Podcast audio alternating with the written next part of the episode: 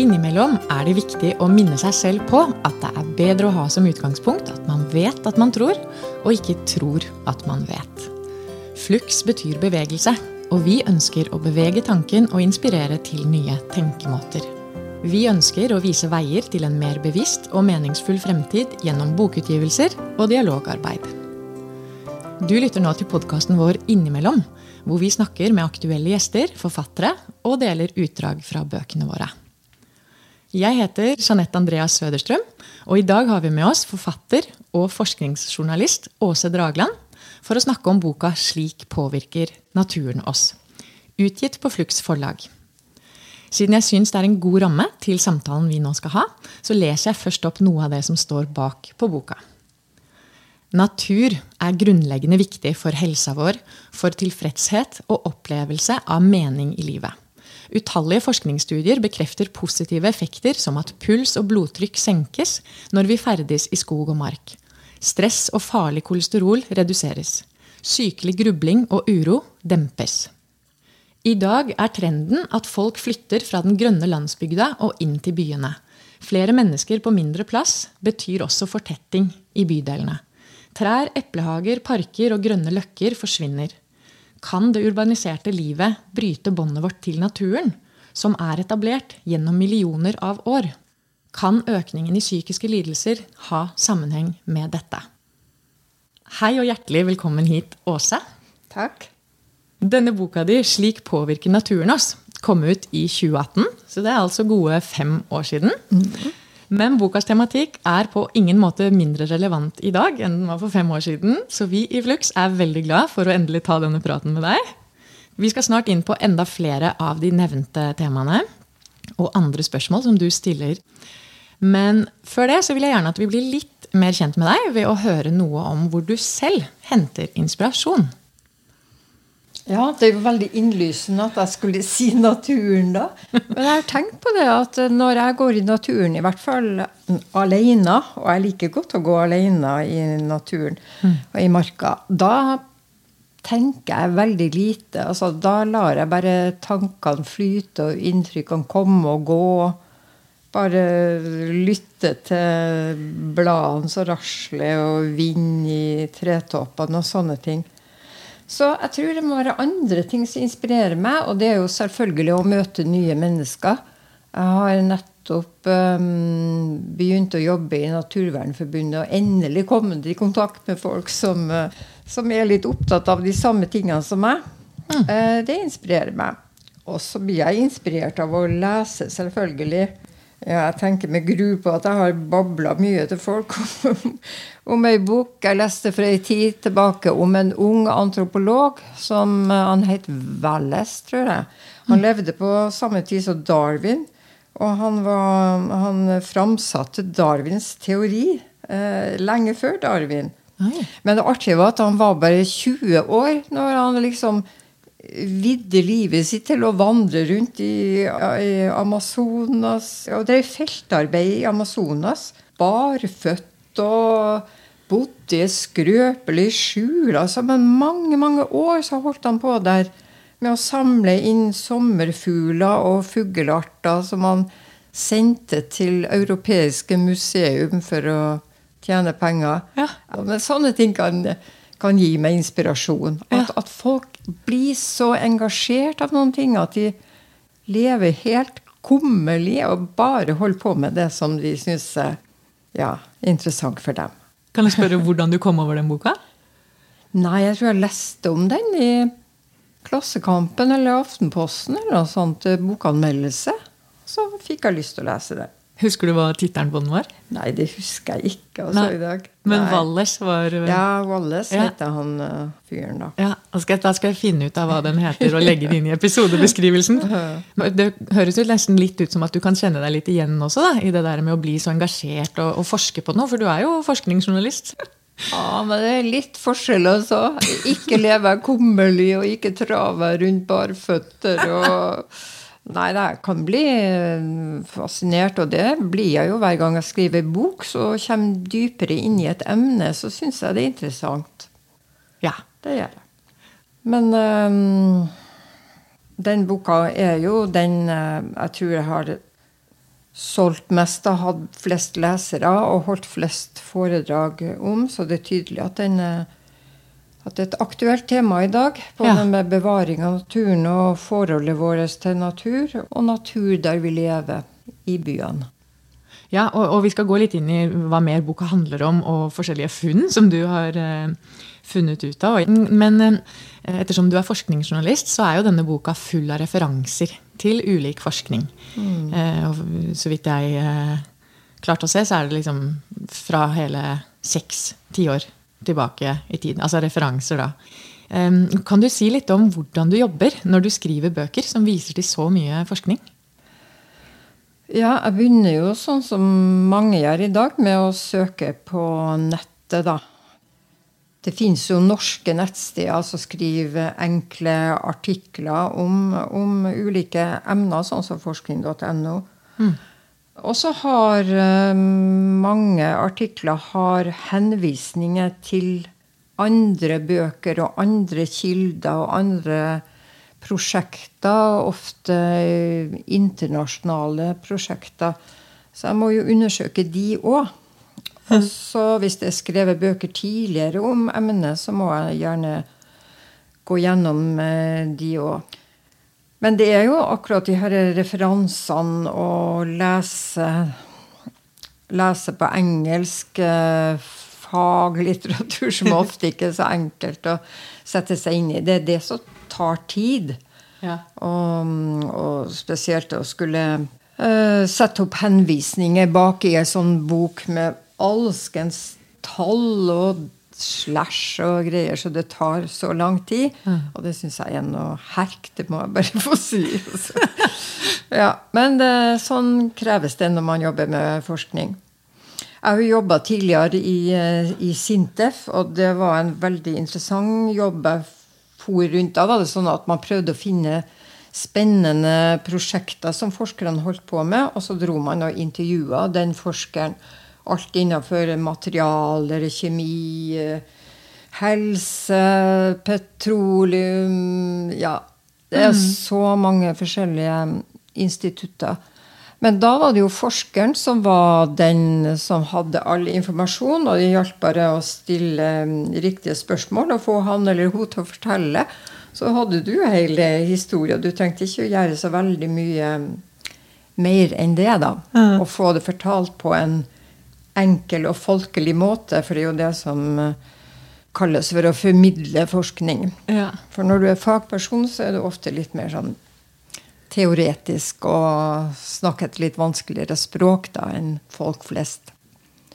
Og det er jo det jeg prøver i bøkene mine òg, å snakke enkelt. Vi hadde som mål, eh, vi journalistene den gangen, å, å prate og skrive sånn at ungdommer som gikk på videregående, skulle skjønne hva vi skrev om. Mm. Og det har jeg fortsatt i bøkene mine. Jeg syns det skal være så enkelt at ungdom kan lese ei bok. Mm. Ja, Det syns jeg du klarer fint i eh, denne boka. Slik påvirker naturen oss. Og mm, ja, du har jo vært litt inne på noe av det som er eh, et herk. med å jobbe sånn som du gjør. Men noe av det som kanskje er eller noe av det jeg vil tro er ganske gøy, da, det er jo alle disse forskjellige funnene du kommer over. Kanskje mm. noen som også du ja. Noe du har blitt overraska over. Kan du si noe om det? Ja, jeg må jo bare si at uh, vi vet jo, eller mange av oss som bruker marka, bruker natur, vet at det gjør oss uh, godt. Men det er litt vanskelig å sette ord på det. Noen syns det er roen, stillheten i marka. Noen syns det er det sosiale, å gå sammen med folk og prate ute. Og noen syns det er mosjon. Men jeg syns det var så interessant å se hvor sterkt naturen virka på oss. Det visste ikke jeg, altså. At det, var, at det virka på sånn rent fysisk. Hæ? Og at det influerte så sterkt på kroppen vår. Det var... Og det er jo alle de målingene som er gjort i de siste åra. At i dag kan man måle mm, puls og blodtrykk og, og hjerte hjerte, og man kan måle hva som skjer i hjernen. Man kan måle Det vet vi jo at de enkelte hjernedelene jobber med ulike ting. Ja. Når vi jobber med tall, så aktiveres den ene delen av hjernen. Og jobber med språk, og så aktiveres en annen del av hjernen. Og ja. Det er også deler av hjernen som er kobla til stress og, og, angst og uro. Og en bitte liten hjernedel som er kobla til grubling og tankekjør og sånne ting. Mm. Og naturen virker inn på alt det her. Det kan måles hvor, hvordan det Hva er det som gjør at det aktiveres i de hjernedelene, og hva er det som får de hjernedelene til å falle til ro? Mm. Det syns jeg var interessant å lære. Og så er det jo um, ja, det er jo mange sånne morsomme funn, eller hva du skal si, interessante funn. Sånn som at eh, Japan, som har de her milliardbyene der folk nesten tråkker oppå hverandre, de har jo skjønt at de måtte lage De har bygd over 80 sånne naturstier for å få folk ut i naturen. Og det er jo fra det landet skogsbading som eh, begrep kommer. Eh, Nå er det jo også kommet til Norge, da. Jeg vet jo at ei i Ekebergskogen ja. som driver med det. Og vi har en i Trondheim, og så driver vi det små med det. Det handler jo om å, å sanse, få sanseopplevelser i natur. Mm. Men i ettertid så har jo japanske forskere vært litt opptatt av emnet. Og det er jo et sånn artig funn at de har funnet ut at uh, hvis du beveger deg under eiketrær furutrær eller med einer i området, så er det her trær som skiller ut visse oljer for å beskytte seg sjøl mot um, virus og insekter og sånne ting. Og de oljene puster vi inn når vi går i skog eller i området der de her trærne er. Og det virker inn på vårt eget immunforsvar. Altså det aktiverer de såkalte drepercellene som vi har i kroppen. Mm -hmm. Det er celler som dreper virus, som dreper bakterier, som dreper kreftceller som måtte komme inn i kroppen vår. Mm. Og det pussige er at det varer ikke bare den dagen du går i skogen, men det varer i en måned etterpå. Så kan de se at aktiviteten på de her drepercellene er større enn vanlig. Ja. Ja, altså En annen ting var at um, Sør-Kina Vi vet jo hvor ille det er i Kina med lufta og med mye CO2. Der har de begynt med å bygge en såkalt skogsby. Den skal være for 30 000 mennesker. Mm. Og de har ikke mindre enn 40 000 trær som skal inn i den byen. Det skal være trær og busker på ethvert, enhver bolig. På veggene, da, eller? På eh, vegg og på balkonger og på Jeg har bare sett bilder av ja. denne byen. Og bygginga ble starta i 2020, så de må vel begynne å bli ferdig snart, kanskje. Men eh, tanken er at de både skal få mer eh, liv, mer fugler, mer insekter, men også selvfølgelig å fange opp eh, CO2. Mm. Og at det skal være lettere for mennesker som bor hyperurbant, da, å være ja. i ja. Mm, nærmere kontakt med naturen. Mm. Ja. ja. Mm. Og så um, med det vi nå har snakka om som et uh, bakteppe, som du også kommer uh, inn på et par steder i boka, så uttrykker du også at det er jo et paradoks at så mange av oss veit at både friluftsliv og mer kontakt med naturen er bra for oss, men likevel så unngår eh, mange å bo landlig eller å oppsøke naturen hvis de først bor urbant. Og så er det jo også sant at vi verden over, det gjelder ikke bare i Norge, men verden over så flytter flere og flere til byer og tettbebygde strøk, da.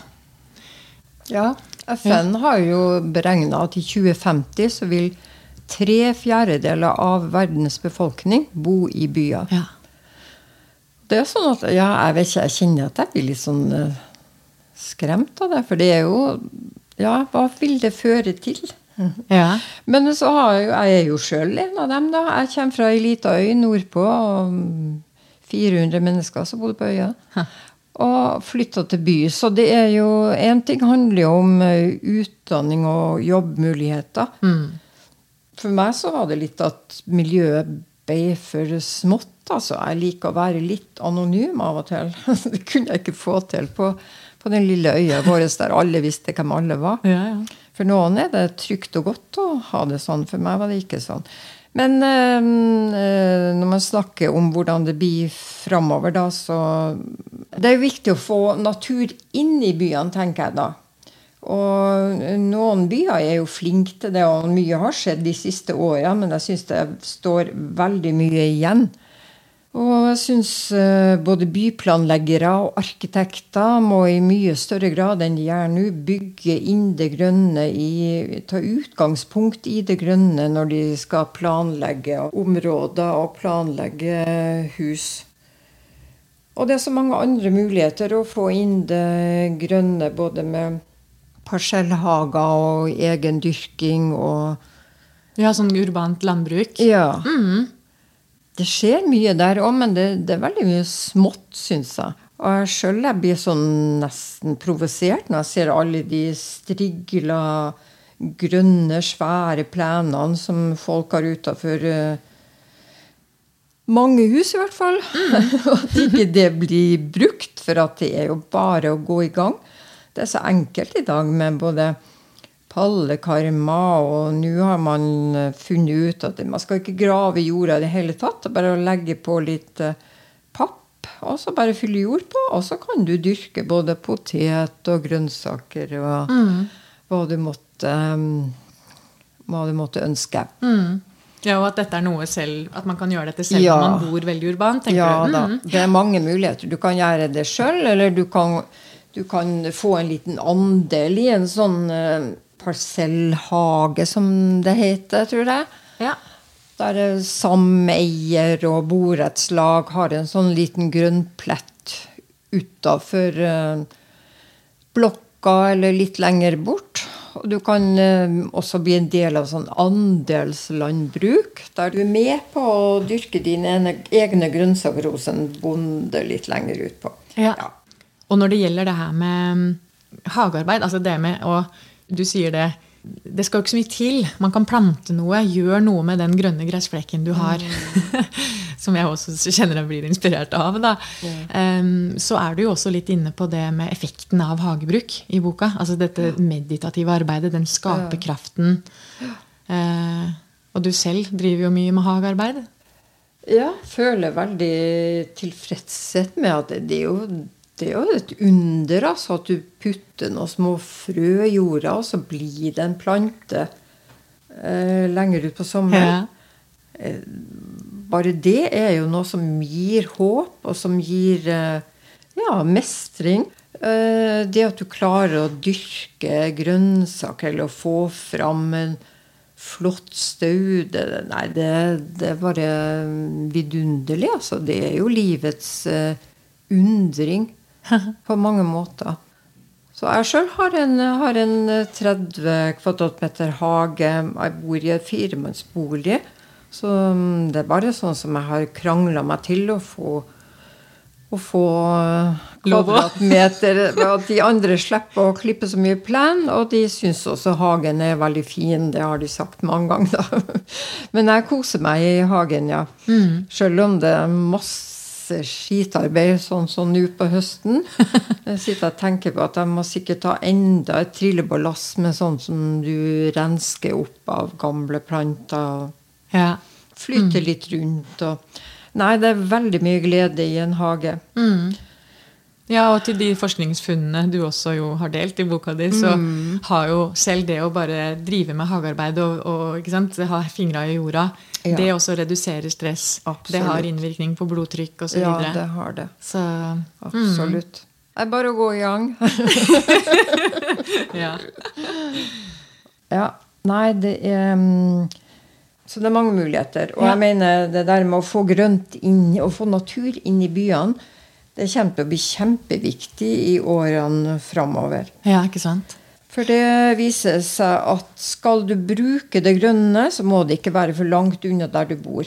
Eh, 300-400 meter har de funnet ut. Både for barn og for eldre så må det ikke være lenger unna enn det. skal mm. de bruke det.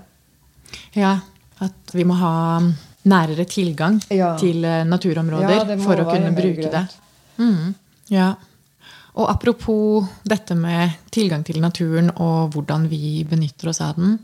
Eh, du skriver jo en del om eh, barn og ungdom, og spesielt forskjellen på hvordan eh, barn er i kontakt med naturen i dag versus tidligere.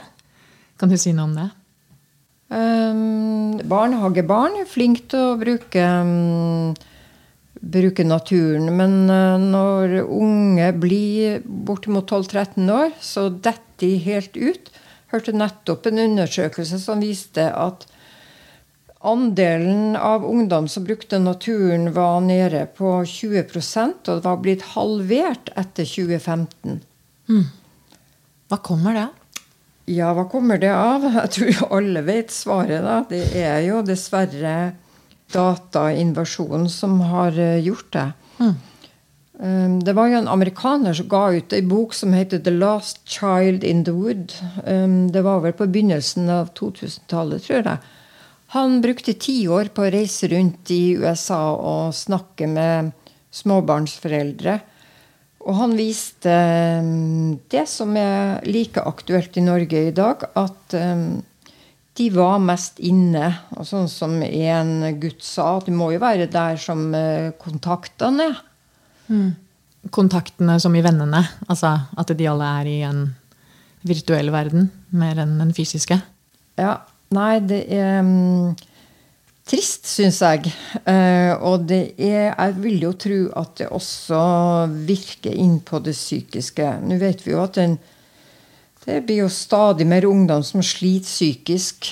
Og jeg tror det å være i den der dataverdenen hele tida um, Da må oppmerksomheten din være på hele tida også.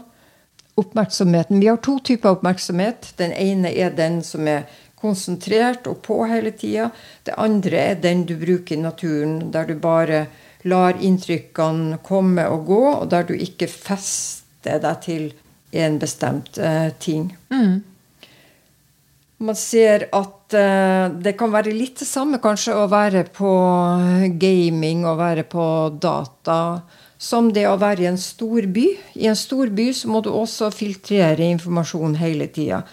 Du må se folk som kommer mot deg, du må sjekke trafikklys, du må følge med trafikken hele tida. Du, du, har støy, du har lyder, du har lys, du har mm. Og det man ser, er at i en storby så er de her hjernedelene som jeg snakka om tidligere, amygdala, der det ligger um, som er senter for frykt, angst, stress, og det her lille senteret bak som går på grubling og tankekjør. Begge de to sentrene er i høygir mm. i en um, storby. Og jeg mm. lurer på om det er litt det samme som er når ungdommen er på data hele tida. Hjernen får aldri hvile. Oppmerksomheten får aldri hvile. Mm. Interessant, men også veldig skremmende. Og det er jo et ganske ukjent farvann for oss som mennesker da, i evolusjon. Ja. Og spesielt bekymra er jo mange for hva dette betyr for barn og ungdom. Ja. Mm. Så du stiller deg det spørsmålet ved hvorvidt det at mange ungdom ser ut til å slite mer psykisk i dag, kan det faktisk ha å gjøre med økt skjermtid og mindre kontakt med naturen. Du trekker en sånn lang historisk linje i innledningen i boka di som går på dette med at hvis du ser på hele menneskehetens historie, så er det jo bare en bitte liten prikk på den lange linja mm. hvor vi har levd i industrialiserte samfunn. Ja. Og urbaniseringen har jo virkelig skutt fart etter industrialiseringen. Av årsaker som du nevnte i stad. Um, men um, jeg syns også det er noen ganger liksom viktig å bare se for seg den lange menneskehetens linje. Og det at vi har levd under en åpen stjernehimmel mm. i størsteparten av vår ja. eksistens. Og den bitte lille tiden, hvis vi nå skal trekke det helt opp til nåtid, hvor vi har levd og lever store deler av livet vårt gjennom en skjerm, Eh, det er jo et ganske ganske ganske spesielt eksperiment, nesten, ja. vil jeg si. Ja, det det. Og vi aner jo ikke konsekvensen av det på lang sikt. Fordi det her med menneskehetens historie og evolusjonen vår og hva som påvirker oss, og at det også tar lang tid mm. eh, å se. Mm. Men jeg har bare lyst til å si at det er jo eh, biologer og forskere som har eh, Vår egen eh, filosof Arne Næss er jo en av dem. Hm. Og han navn, da. Eh, en engelskmann på 80-tallet var jo den første som innførte eh, biofilia-teorien. Mm. Både han og Arne Næss mener at det ligger et selvhelbredelsessystem i naturen. Mm at eh, siden vi fortsatt har 99% de samme genene som vi hadde når vi var, levde under stjernehimmelen, som du sa, ja. så er det mye Ja, vi er mye det samme mennesket som da det har påvirka oss uh, veldig. Og det er jo bare å tenke på når vi sitter uh, Jeg elsker å sitte og se utover ei vannflate. Jeg blir veldig sånn rolig inni meg. Og hva er det som gjør det? Og mange mennesker kan sitte rundt et bål mm. og snakke, og plutselig blir det helt stilt, og alle sitter bare og stirrer inn i bålet og føler en ro med det. Og hva er det igjen? Jo, jeg tror det må ha noe med den der kontakten med våre forfedre å gjøre. Mm. At det kjennes som en sånn kollektiv historisk ting å gjøre når vi sitter og gjør de tingene vi alltid har gjort. Fordi som du sier, vi har faktisk samme genmateriale som vi hadde den gangen. Ja, og bål og vann det har vært sentralt i livet til våre forfedre. Ja, det er en ro rundt det, altså. Ah. Det er noe sånn basalt i oss å svare på det. Ja, det er en ro. Det er en ro, og det er en sånn tidløshet uh, over det. Og som du sa så fint uh, i stad, så er det ikke så lett å gjenfortelle med ord hva konkret det er uh, disse naturmøtene gjør med oss. Men nå har jo du stadfesta deg gjennom boka di og, og, ved bruk av forskning at det har enorme positive ringvirkninger på kroppen vår. Igjen fysisk og psykisk. Å prioritere naturopplevelser. Små eller store. Ja. Og en ting du begynte å komme litt inn på, eh, som også er interessante funn, hvor lite som faktisk skal til bare av utsikt mot noe grønt, ja. versus å ikke ha utsikt mot noe grønt. Eh, for alle mennesker, eh, hvor enn de jobber og lever. Ja, det, det syns jeg er fascinerende. At det er en sånn makt i det grønne. At det skal så lite til. For her har du igjen forskning som kommer med hva utsikten fra et vindu betyr. Mm. For der har de tatt um, sykehuspasienter med samme De skal inn til samme operasjon, galleblæreoperasjon. To grupper pasienter. Men den ene pasientgruppa har da utsikt til eh, grått, til betong, til eh, gatearealet, mens den andre gruppa ligger da med utsikt ut til grønne trær. Og det de ser, er at for det første gruppa som har utsikt til grønt, de har mindre komplikasjoner etter operasjonen. Og de blir utskrevet tidligere enn den andre gruppa. Mm. Så kan du si at nei, det der må være bare tilfeldig. Det går ikke an at det virker sånn. Jo da, så ser man det fins massevis av forskning på det her. Man ser eh, på, på arbeidssteder der folk sitter på et kontor, og noen har utsikt til grønt, og noen har utsikt til grått. Og det viser seg igjen at uh, tilfredsheten er mye større der uh, til de folk som har utsikt til uh, grønt. Mm. Og de har mindre sykefravær. Og den tredje gruppa, det er jo, det er jo helt rart, syns jeg. For da har de sjekka innsatte i fengsel som sitter på sånne små celler med et lite glugge oppe på, på veggen. Og der uh, I cella så har man en sånn uh, sosialtjeneste. Når uh, fangene virkelig sliter psykisk, så må de ha noen å snakke med.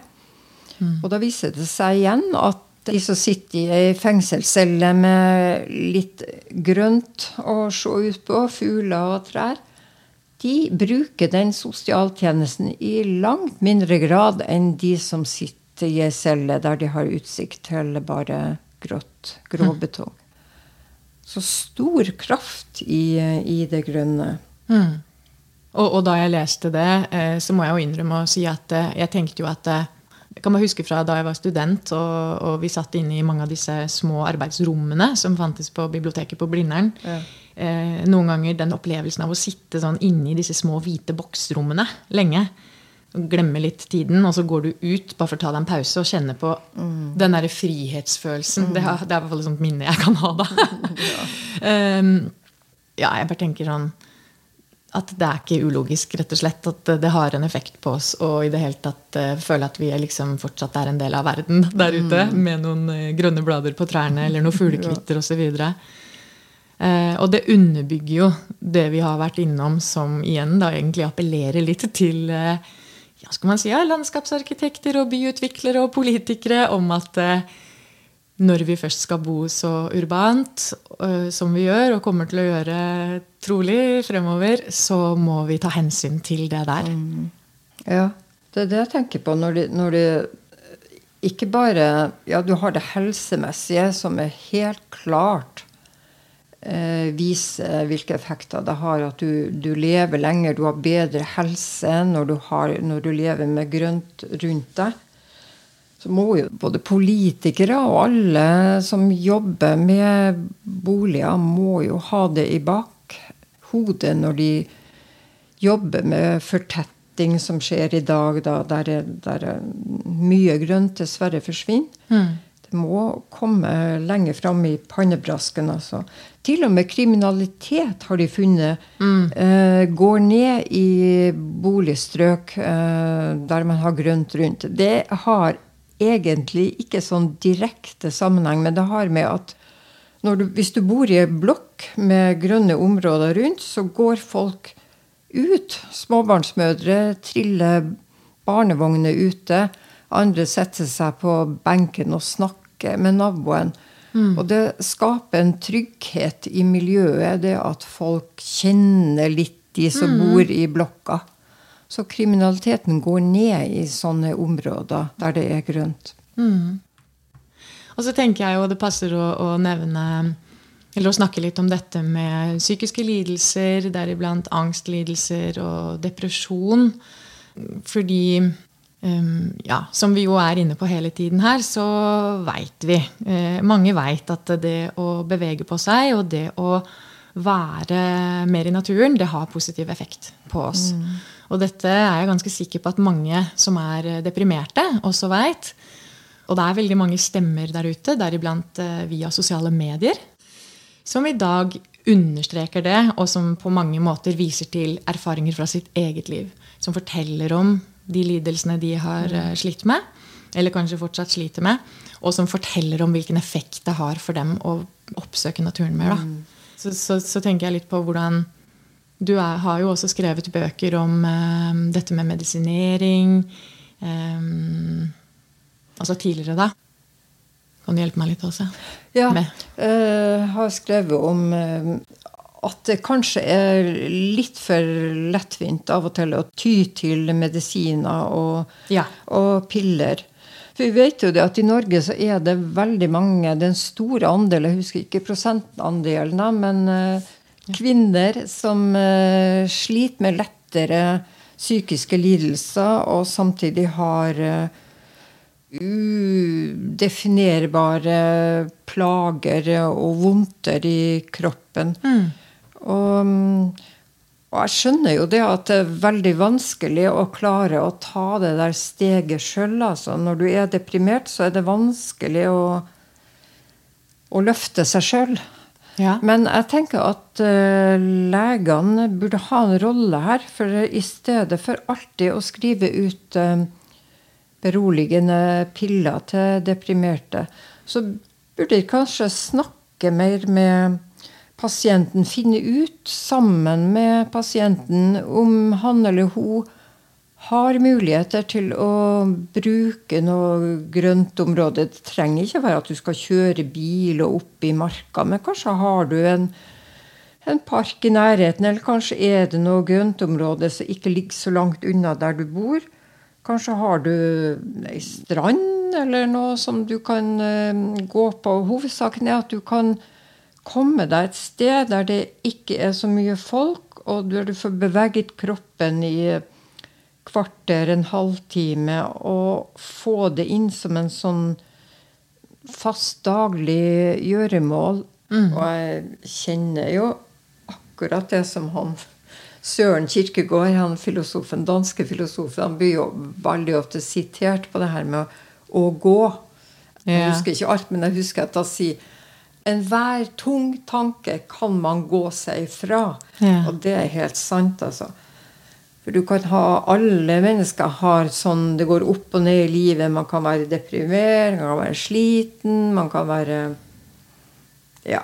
Det nytter å gå ut. Når du har gått den lille turen din, så er det borte. Altså, det er helt sant.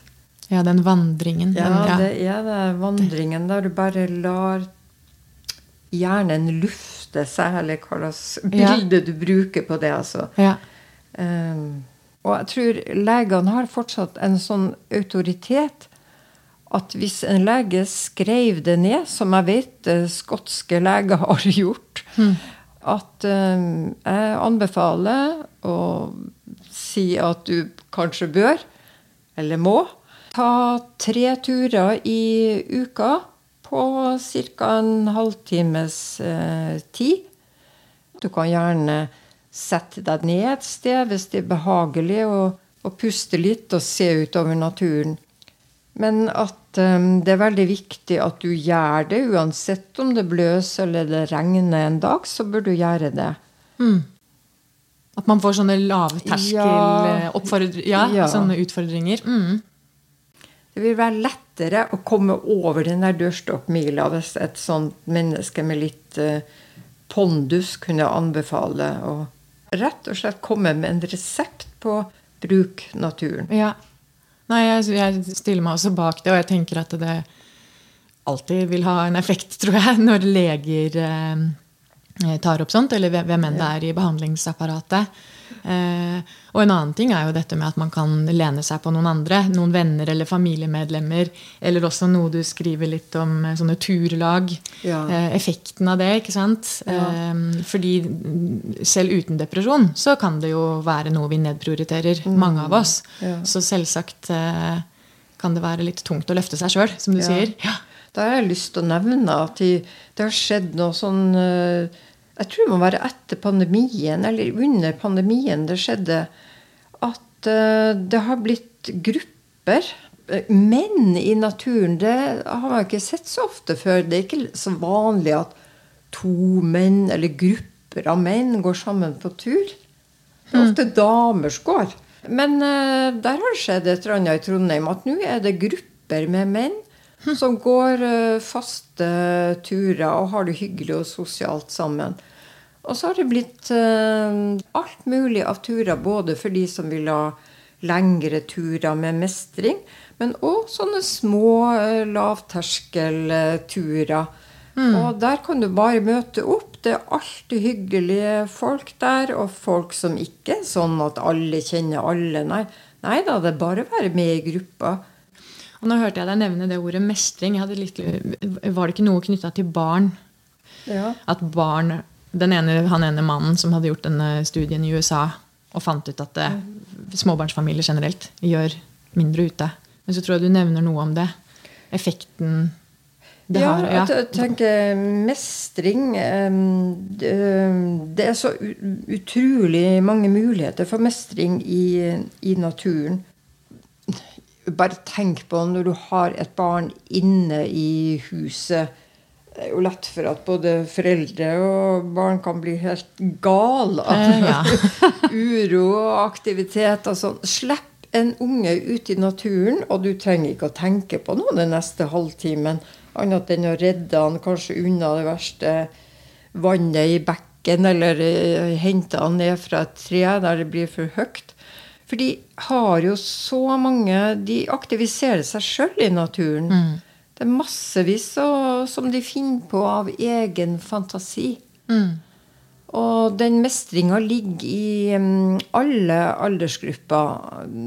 Lærer du en uh, tolvåring å, å, tenne bål, så er det uh, noe han eller hun kan prøve på neste gang. Og det er en voldsom mestring i å klare å tenne et bål og holde det i live, det vet jeg alt om. og jeg sjøl som er 72 år, da er jeg jo blitt en nerd på mestring. Jeg lager meg mine egne bucketlister hvert år. Det er jo ofte sånne ting som jeg er litt redd for, eller som jeg ser er litt sånn utfordrende. Men det er sånn mestringsfølelse i å klare å kjenne at du at du greier det, altså. Ja. Har du et par eksempler? Ja, hadde jeg. At jeg skulle ligge alene i teltet ja. i marka. Og det gjorde jeg. Det gikk helt fint. Men eh, altså, det var i juni, når det var veldig lyst både ute og inne. Ikke sikkert at jeg hadde klart det hvis det var mørkt og jeg lå inne i en skog. Men ok, jeg gjorde det, så det kunne jeg krysse av. Og så har jeg noe sånn helt vanvittig. Jeg syns det ser så artig ut når ungdom hopper sånn bombe fra kai. Men altså, Fra kai tør jeg ikke, men jeg svømte ut til en flåte, og så hoppa jeg derifra. da. Så gøy. Så det kunne jeg krysse av. Og så ja, føler jeg veldig mestring med å gå opp på fjell. Jeg må bare innrømme det. Altså. Men nå begynner jeg med så dårlige knærne mine. så jeg tror jeg må... Men jeg kom meg opp på fem fjell i sommer, da. Så det var jeg veldig stolt av. Og det er jo interessant at det motsatte av mestring, det er når man føler maktesløshet. Og dessverre så Maktesløshet, det, da har du ikke kontroll på livet ditt. Mm. Og det er skummelt. Og der bør vi ikke havne. Vi trenger jo ikke gjøre sånne voldsomme ting, men altså det ligger mestring i eh, i det meste i naturen. Du kan, mm. Eh, du kan, gå, du kan gå på ski, du kan eh, fiske, du kan plukke bær, du kan plukke sopp. Ja, mm. ikke sant? Det er så, det er så allsidighet og så mange muligheter som naturen byr. Og der har jeg jo lyst til å komme inn på han Lars Verke, som jeg snakka med. Han var jo en mann som eh, jobba med data. Han jobba i et datafirma gjerne ti timer om dagen. Så gikk han hjem, hvilte seg litt, og så ut igjen på nytt på kvelden og holdt kurs i, i data. Mm. Og han beskriver det jo sånn sjøl at han følte han bar hodet sitt på et stativ. Det var liksom bare hodet som var viktig på han, ikke noe annet. Så han gikk på veggen. altså Han, han ble dypt deprimert og Utbrent? Ja, utbrent heter det vel, ja. Han klarte vel knapt Han gikk vel en bitte liten tur rundt huset, rundt boligen, sånn hver dag. Ellers så lå han mye på sofaen og, og var sykemeldt. Og så hadde han heldigvis gode venner som kom med forslag, og som ordna med en uh, kajakk til han og foreslo enn om du prøver det. Og han gjorde det. Og det var redningen tilbake igjen til livet for han. Mm. For da oppdaga han plutselig sånn litt etter litt Du verden for en allsidighet det var i, å finne i hverdagen. Ikke bare syn og lukte når han var ute på padleturene sine, men han han gikk i land på små holmer. Han lærte seg å tenne bål, som vi sier. Han, han opplevde en, en, verden som var så stor og så mektig som han aldri hadde kjent på før. Og han kom seg tilbake i en, en helt annen jobb. Han jobba innenfor helsevesenet i mange år. Han har også gitt ut flere bøker om kajakkpadling, faktisk. Mm. Hvordan det har forandra livet hans? Ja, hvordan det forandra livet hans. Mm. Så den der ensidige hverdagen, den kan nok mange føle på. Kan bli for, um, for tett noen gang. Uh, ja, så sitter man gjerne ja. og ser på TV igjen ja, på kvelden man, før man ja. legger seg. Så det er um, den ensidige hverdagen um, har behov for allsidigheten i, i naturen. Ja. ja. og der syns jeg jo um, Nå går vi jo mot slutten her også, men um, jeg syns jo det også henger fint sammen med en ting du kommenterer på i boka. Dette med at barn i dag versus da du vokste opp, nesten ikke Nå snakker vi om eh, kanskje under ti års alder, da, ish. Nesten aldri er alene med et par venner eller alene over litt lengre tid eh, i naturen. Og jeg tror du nevner i boka at noe av det kan vel handle om at flere, flere foreldre i dag opplever verden litt farligere. Og så kan man jo spekulere i hva det handler om. Og så kan jo jeg også bare si at en tanke jeg fikk der igjen, er jo at når vi lever i urbane samfunn, så oppleves jo verden litt farligere. Det er jo biltrafikk. Det er en opplevelse av at det er flere mennesker der ute som mm. potensielt kan uh, skade barna våre. Eller, ikke sant? Så det er jo så mye, mye man kan legge inn i det der. da, men som altså småbarnsmor selv så kjenner jeg jo også igjen det der. Eh, og hvordan andre foreldre opererer. og jeg husker jo også, Nå vokste jeg opp i en sånn ganske vanlig grend og i et litt sånn suburb-område. Men vi var jo veldig mye ute. Og vi hadde jo ikke telefon. Vi hadde ikke noe klokke på armen som vi kunne bli ringt på. ikke sant? Det her er jo noe alle i 40-årene også kjenner igjen. En generasjon under deg. Um, og det er jo et veldig aktuelt tema i dag. Um, og jeg veit jo ikke helt hva liksom resepten på det her skal være, men det er jo et stort tap for barn å ikke kunne få være litt aleine i naturen? Absolutt. Det er jo sånn at frileken er så å si forsvunnet. Vi har jo sånn organisert aktiviteter i dag. Jeg ser jo på mine egne barnebarn som kjøres på fotballtrening. Og det skjer jo på sånne idrettsplasser, stadion. Ja. Og nylig var det jo en sånn eh, oppslag i Dagsrevyen eller hvor det var at uh, løkker og uh, sånne områder forfalt. Ble ikke brukt. Nei, nettopp. Nei. Så nei, det er tydelig at vi har um, eh, mista noe på veien. Og så kan du jo si ja, nei, Det er jo sånn som du sier, at uh, verden oppfattes som mer uh, skummel enn de gjorde før. Ja, og, og, og, og, så er det i tråd med det du var litt innom nå, det at vi driver med mye mer organisert aktivitet. Og mm. barndommen i dag er jo mye mer institusjonalisert ja. enn den var da du vokste opp, i hvert fall. Og da ja, moren min vokste opp. da. Ja. Ja. Nei, man kan undre, og det er jo veldig mye mm, snakk om akkurat det her fra pedagoger og folk som jobber i, barnehage og sånne ting. Eh, ja. Jeg vet ikke. altså. Jeg bare priser meg lykkelig over at jeg hadde en sånn eh, oppvekst som jeg hadde da, der vi bare lekte hele formiddagen helt alene. Og ikke det at det ikke var farlige ting da òg. For jeg, tenker på at vi lekte nede ved havet.